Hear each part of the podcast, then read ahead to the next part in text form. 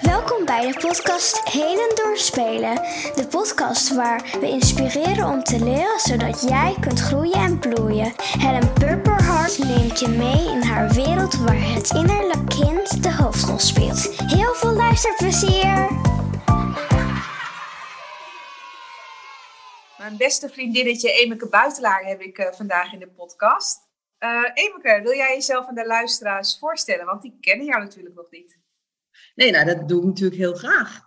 Uh, ik ben uh, Emeke en ik ben kunstenares en uh, moeder van twee zoons. En niet alleen kunstenares met schilderijen, maar ik maak ook mozaïeken. En mijn, mijn aller, aller, aller ja, grootste kunstwerk staat in Almere, bij het Belfortplein. En dat is de stadsklok van Almere met de ontmoetingsplaats. En kunst brengt, ja, dat brengt mij kleur in het leven. Maar niet alleen bij mij, maar godzijdank ook bij de, bij de mensen. Die zijn er dan ook heel blij mee als ze er naar mogen kijken. Ja, dat is in het heel kort. Wil je nog langer? Ah, nou, ik denk dat we in de loop van het gesprek wel nog meer over jou te weten komen. Kindertijd. Ik weet dat jij een passie hebt voor kleine meisjes. Als jij daarnaar kijkt, dan word je gewoon helemaal verwonderd. Ik ben wel benieuwd hoe jij zelf als uh, klein meisje was. Ja, dat is dus het idiote, dat ik daar gewoon heel weinig van weet.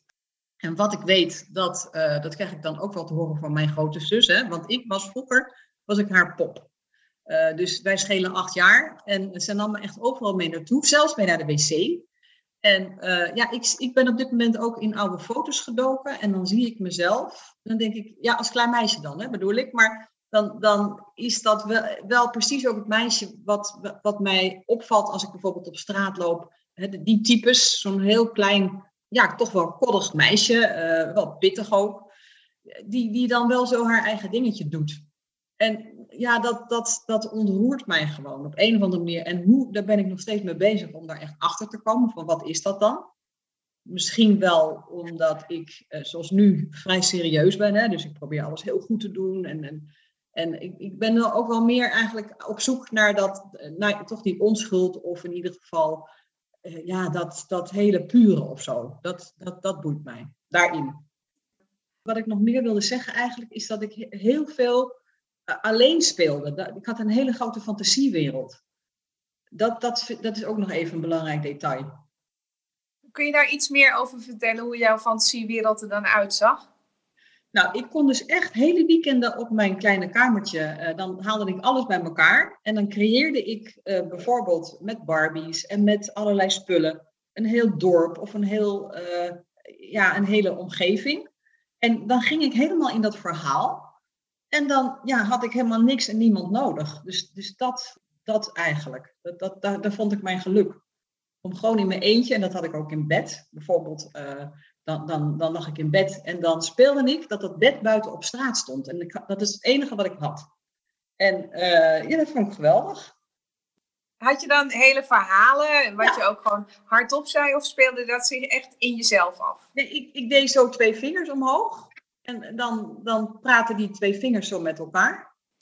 Was jij dat dan zelf waar je tegenaan aan het praten was? Of, of twee persoonlijkheden, nu ben je volwassen. Misschien kun je dat nu anders uh, beschrijven, wat dat dan nou, was? Dat is heel grappig, want nu we zo bezig zijn, komen de herinneringen naar boven. Want omdat jij het hebt over die twee persoonlijkheden. Weet je wat ik deed met mijn broers? Dat was echt ontzettend leuk. Wij moesten altijd heel vroeg naar bed. Hè, want orde en regelmaat, dus rust, rijden, regel, dat was voor mijn ouders heel belangrijk.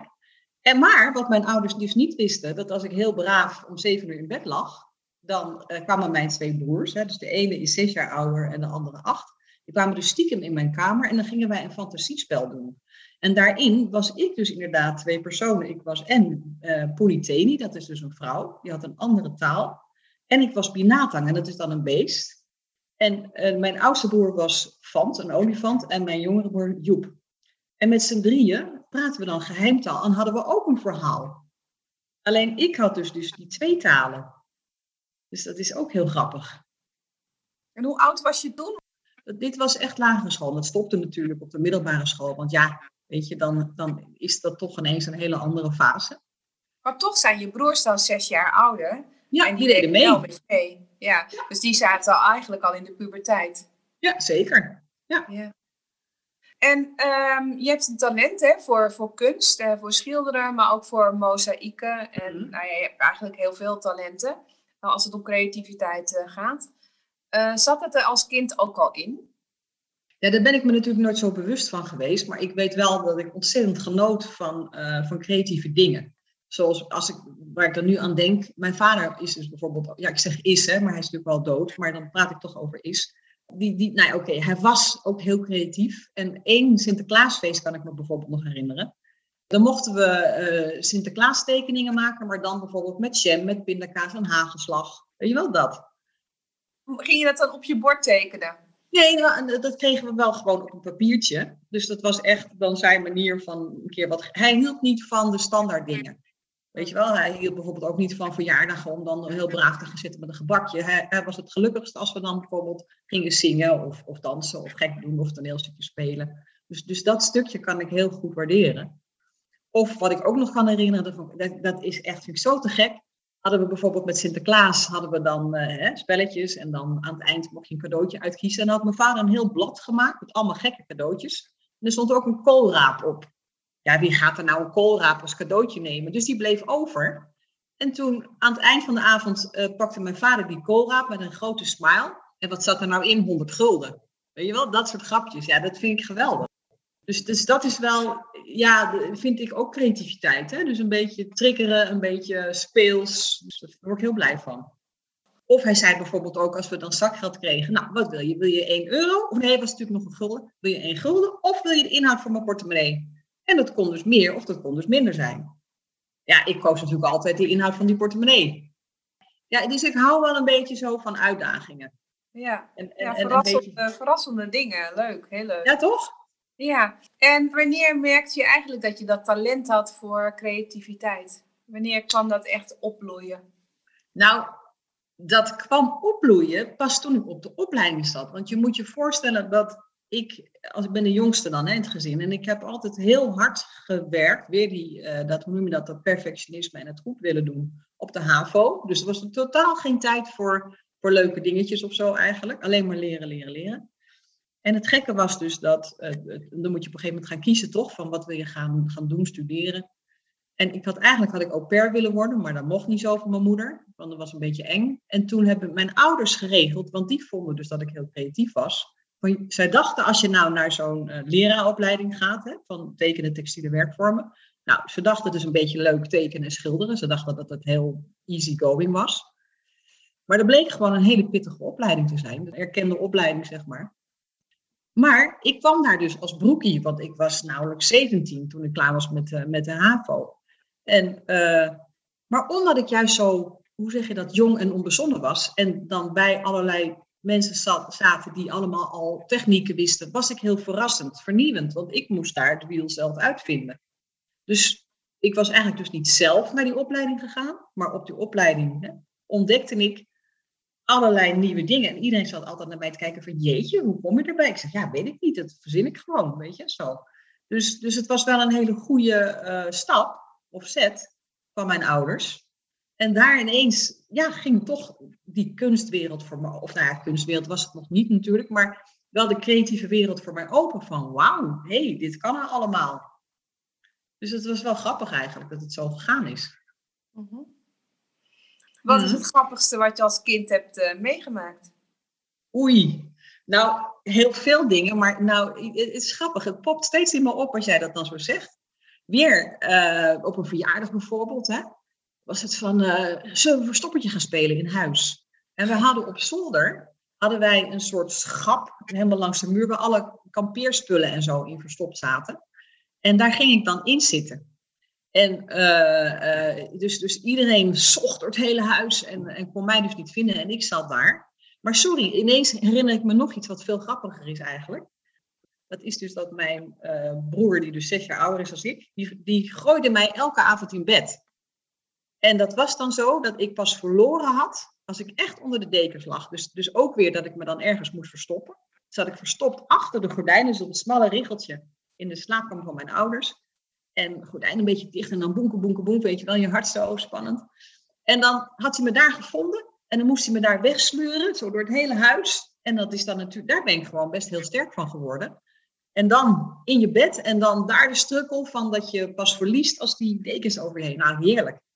Wat leuk, wat leuk hoe je met je broers uh, omging, zeg. Echt Ja. eh, super tof. Zeker. Nou, je zei ook al dat dit wel spannend was. Hè? Dat dit Mhm. gebeurt, dat je wist dat die broer eraan kwam en eh, dat je ging verstoppen. Zijn er nog andere spannende dingen in je kindertijd die je hebt meegemaakt? Ja, genoeg, jeetje. Maar, eh, maar wat, dat was dan weer minder leuk. Ze, ze, ze deden ook wel echt mij een beetje plagen. Hè? Maar dat is goed natuurlijk, daar word je, word je wel sterk van. Maar ik sliep dan bijvoorbeeld op één hoog. En eh, dan had je buiten had je een soort eh, muurtje. Daar kon je dan blijkbaar op gaan staan. Maar ik verwacht één hoog niet iemand die op het raam klopt, toch? Dus toen lag ik al in bed en er werd een kaart op mijn raam geklopt. En toen was mijn broer op dat muurtje geklommen om mij zo aan het schrikken te maken. Maar dat is dan, ja, dus dat kan ik me ook nog wel herinneren. En verder, jeetje, eh, je vroeg spannend, hè, wat heel spannend was. Ja, nou ja, oké, dat was eigenlijk heel erg dan. Dus ik lag diep in slaap. En dat weet ik veel, echt midden in de nacht. En ineens, pats, gaat dat licht aan in mijn kamer. En ik zie een lijkbleke vader. En hij zegt, ja, je moet je bed uit, want je broer heeft een ongeluk gehad. En ik, ja, ik kom natuurlijk echt uit mijn slaap. En, en, maar omdat hij had een hersenschudding eh, op de motor, tenminste op de brommer, het schaatsen om. En er was er een hond over de weg gerend. En over de kop. En hij moest natuurlijk met een brancard naar boven. Dus ja, ik was de eerste kamer. Maar ik heb toen echt de hele nacht bij mijn zus in bed gelegen. Helemaal keihard klappertandend en bibberend. Die lijkbleke vader. Ja, dat was nogal shocking, moet ik zeggen. Eh, als je terugdenkt aan je kindertijd, wat mis je dan? Wat mi- nou ja, die herinnering bijvoorbeeld. Hè? Dus ik, sommige mensen kunnen, weet ik niet, wat vertellen over die kindertijd. Maar ik, ik weet echt niet zoveel. Nou, Hemeke, ik vind dat jij echt al heel gedetailleerd en en heel veel hebt verteld hoor. Oh, oké. maar wat mis ik? Heel veel. Ja, wat je zeg maar mist uit je kindertijd. Dus mist van hoe het was om kind te zijn. Je zei Mm. net al de onbevangenheid eh, van kinderen. Of eh, weet je, als je naar die kleine meisjes kijkt, eh, dan Mm. neem ik aan dat je ook wel een stuk van jezelf, eh, van de onschuld daarin herkent. Eh, maar wat mis je zelf daaraan? Ja, maar weet, weet je, kijk, wat mis je? Dat, dat heb ik dus niet zo. Want ik heb zoiets van, oké, je, je krijgt allemaal iets mee. Hè, dus in je jeugd, of door je opvoeding, of door wat je meemaakt. En dat is het dan. Dus, dus daar deal ik dan mee. En dan ga ik niet zeggen, ja, maar dat en dat heb ik gemist. Want van sommige dingen krijg je heel veel. Hè, en van andere dingen misschien wat minder. Maar daar blijf ik dan niet in hangen. Ik heb zoiets van, oké, dat, is dan misschien, dat is dan misschien niet zo geweest. Maar dan ga ik dan nou wat aan doen. Of ik ga dat nou onderzoeken. Maar ik, ik heb dan niet zo dat ik daar dan aan denk. Het is meer dat ik, eh, nee, meer aan het positieve denk. Of juist wat ik wel heb meegekregen. Als ik jou zo hoor vertellen, heb je gewoon een hele fijne kindertijd gehad. Waren er ook minder fijne momenten? Mm, nou, ja, niet. Nou ja, wel dat er behoorlijk op me gelet werd. Hè? Zo van, ik, ik, had misschien wel iets minder vanuit, toch vanuit, ja, het klinkt lullig vanuit angst, maar meer wat, wat wel zo was, is dat eh, eh, van pas op en kijk uit, hè, was er wel die cultuur. Dus ik kan me wel Kun je daar een voorbeeld van geven? Ja, twee dus heb ik wel. Dus ik had een hele goede jeugdvriendin, daar heb ik echt mijn hele jeugd mee opgegroeid. We, deden, we zaten bijna aan elkaar vastgeklit met een soort superlijm. En dan gingen we naar Amsterdam, naar de Waterloopplein. En zij was heel bekend in Amsterdam. Maar dan zei mijn moeder, kijk je wel uit voor enge mannen en, pas je wel op voor de tram en zo. En ik kan me herinneren dat, dat ik daar best wel last van had. Zo van, dat je toch om je heen zit te kijken. Goh, zijn er nou geen enge mannen of zo? Ja, dat had ik liever wat minder gehad. Maar oké, ook ben je daar dan zelf weer verantwoordelijk voor dat je hè, dat hoort, maar niet, niet te erg laat binnenkomen. Is dat zo dat je als kind eh, daar zelf verantwoordelijk voor bent? Kun je die Nou, op dat moment- dragen? Nee, kijk, weet je, dit is je voorbeeld. Dus je hebt geen ander voorbeeld dat het ook anders kan. Dus je weet niet beter. Maar zoals nu heb ik zoiets van, oké, dat was toen. En ja, weet je, dat zal niet voor niks zijn geweest dat mijn moeder hè, dat vooral zo uitdroeg. Maar eh, als ik bijvoorbeeld dan nu zelf... Aan mezelf merk ik dat ik het ook nog wel eens zeg. Van kijk je uit of pas je op? Dan denk ik, hé, hey, dat komt toch wel daar vandaan. Snap je? Maar ik ben nu verantwoordelijk voor dat ik dat niet groter maak dan dat het was. Ja, dat snap ik. Ja. Lastige emotie. Van welke emotie had je als kind vaak last? Poeh, oh, jeetje. Ehm, ik, er komt niks oppoppen. Van welke emotie? Je zei dat je vaak eh, in je kamer zat, in je eigen wereld. Mhm. Was dat vanuit spel omdat je dat fantastisch vond? Of was het ook vanuit een, een gemis dat je jezelf terug, terugtrok? Ja, dat weet, dat weet je dus niet als kind, vind ik. Tenminste, niet bewust. Ik denk dat ik dat gewoon ontzettend nodig had en dat dat helemaal vanuit zichzelf eh, gebeurde. Ik heb daar nooit een gedachte bij gehad van ik moet nu naar boven. Dat deed ik gewoon. En wat was dan de reden dat jouw bed in je fantasie op straat stond? Ja, dat, dat, zijn, dat zijn leuke dingen. Als ik daar inderdaad een antwoord op kreeg. Eh, ja, dat is voer voor psychologen inderdaad, zou je kunnen zeggen. Van, hé, hey, wat zit daarachter? Dit is natuurlijk een bepaald beeld. Of het is een bepaalde symboliek. Kijk, dat bed is natuurlijk heel veilig. Hè? Ik zit nu even hardop te denken. Het bed is heel veilig. En dat je dan vanuit je eigen veilige plek toch naar buiten durfde. Want ik was best heel verlegen. Want ik moet nou ineens denken, nu je dit zo zegt, dat, eh, eh, dat ik een keer was uitgenodigd voor een verjaardagspartijtje. En dat ik niet durfde. Dat zou je niet zeggen, maar toch was het zo. En dat ik, dat, daar had ik een opgelucht gevoel van, haha, het is me gelukt zeg, dat niet te hoeven gaan. Maar wat was er nou aan, wat gebeurde er nou man? Ik zat heerlijk gezellig op mijn kamertje in mijn eentje te spelen. En aan de poort, ze waren, gingen me ophalen. Ik jeetje, wat doen ze hier, weet je wel? Dus dat is heel grappig. Of dan grappig, misschien is het niet grappig. Maar dat, dat, dat ik dus dat wel echt heel erg opzocht dus. Dat ik daar, ja, nou dat vind ik wel een voorbeeld. Ja, maar dat is ook meteen een emotie wat je benoemt, verlegen. Dat bedoel ik. Ja. Ja. Dus Ja. toch wel heel verlegen. Terwijl, waar dat dan vandaan komt, weet ik ook niet. Maar ja, dit vind ik wel een goeie. En wat had je als kind eh, nodig om om te gaan met die verlegenheid? Bijvoorbeeld op dat feest, dat je niet durfde. Nou, het aparte is dan als tegenbeweging weer, wat ik dan ook weer nou ineens herinner. Ik zat dus op ballet. En toen mijn, mijn broer, hè, die dus zes jaar ouder is, die kreeg al heel jong, dus volgens mij was hij 15, zijn vriendinnetje, wat ook nu zijn vrouw is. En die zat dus voor de eerste keer bij ons in de woonkamer. Dus dat is voor haar best, nou, ook wel even hè, nieuw of onwennig. En toen zei ik, zou ik je mijn dansje laten zien? En toen ben ik voor haar gaan dansen. En daar had ze het later nog over. Toen zei ze van, joh, dat, je dat, dat ik dat dan durfde, hè, voor zo'n nieuwe vriendin. Dus dan had ik het weer helemaal niet. Hè, dus dat is dan toch die veilige setting. Ik denk dat dat voor mij heel belangrijk is. Een soort van veilige setting. Dan durf ik alles. Ja, want je hebt later ook op het eigen tijdsfestival voor publiek gedanst, hè? Eh, Misschien wel 500 mensen. Kijk, het podium pakken, dat kan ik perfect. Want ik vind het, dus zoals wij daar dan stonden, eh, weet je, en dan inspelen op die mensen en dan contact maken, ja, dat, dan bloei ik helemaal op. Dus dat is helemaal mijn ding. Maar voor mij is dat dan ook wel heel veilig. Dus, dus op het moment dat ik echt zo in mijn kracht sta, ja, dan, dan, dan eh, kom maar op. Ja, dat kan ik me nog herinneren, dat wij samen dan eh, die performance deden, hè? een soort Ja. van shamanistische dansworkshop. Uh-huh. En, en dan pak je ook die microfoon en dan weet je ook gewoon precies wat je moet zeggen. En Mhm. alles klopt dan op die avond. ehm. Mhm. Ja, dat was wel, ehm, is wel een hele mooie herinnering die we samen dat hadden. zijn hoogtepunt. Maar dat was ook weer onze samenwerking, weet je. Want ik hoefde me geen zorgen te maken over de techniek. Dat kon ik helemaal aan jou overlaten. Als ik dat allemaal alleen had moeten doen, ja, dan vind ik het helemaal niet meer leuk. Dus ik kon losgaan omdat jij dat stuk pakte. Missie en visie. Wat wil je eigenlijk eh, op dit moment uitdragen eh, in de wereld? Dus wat is jouw missie en visie? Nou, mijn missie en, missie en visie, dat is uiteraard de kunst, de, of de kunst, mijn kunst in de wereld brengen. Mijn kleur. En niet alleen per se vanwege het ego-gedeelte, maar meer voor plezier. Dan wil ik echt even één voorbeeld geven, want ik ben dus nou net verhuisd. En eh, ik heb dus mijn mozaïeken bijvoorbeeld, omdat ik, ik heb gewoon geen berging meer, voor echt idioot weinig geld, gewoon echt bijna weggegeven. Maar er kwam laatst hier iemand, hè, die kwam een mozaïek ophalen. En ik zie dan, want ik kijk dan naar die gezichten van die mensen. En ik zie dus hoe, hoe dat werkt. Die mensen, want zowel die mannen als die vrouw, die waren zo diep geraakt. En ik zie hoe dat en hun ziel en hun kleine meisje of kleine jongetje raakt.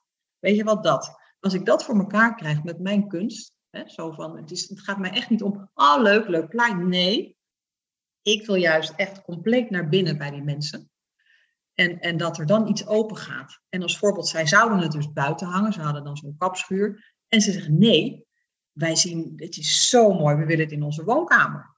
Dan denk ik, nou, weet je, daar, doe ik het toch voor. Dus niet alleen dat ik het doe alleen voor de mensen, je doet het ook voor jezelf. Maar juist dus, dus, dus die, die wisselwerking. En nou kom ik ineens op die vergelijking met dat bed. En dan in de wereld staan. Dus als ik mijn veilige wereldje via die kunst bij de mensen kan brengen, nou, dan is mijn missie geslaagd. Het dilemma. Stel dan voor dat je zou moeten kiezen tussen altijd kind zijn en altijd volwassen zijn. Wat zou jij kiezen en waarom? Nou, dan zou ik uiteraard kiezen voor altijd kind zijn. Wat denk jij nou? Want ik kan toch als kind, kan ik toch alles?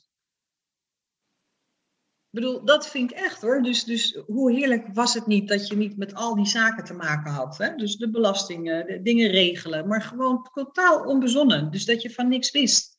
En helemaal je gang kon gaan. Ja, want dat, nou, dat is helemaal geen moeilijk dilemma, joh. De toverspreuk. Stel dan voor dat je kon toveren en je tovert jezelf gewoon weer terug naar je kindertijd. Ik ben dan benieuwd naar welke leeftijd je gaat en welke toverspreuk daarbij past. Uh, daar, de toverspreuk is heel makkelijk. Dat is mijn indianennaam. Dat is Ala Wasta Weshe. Dat is zij die de goede weg gaat.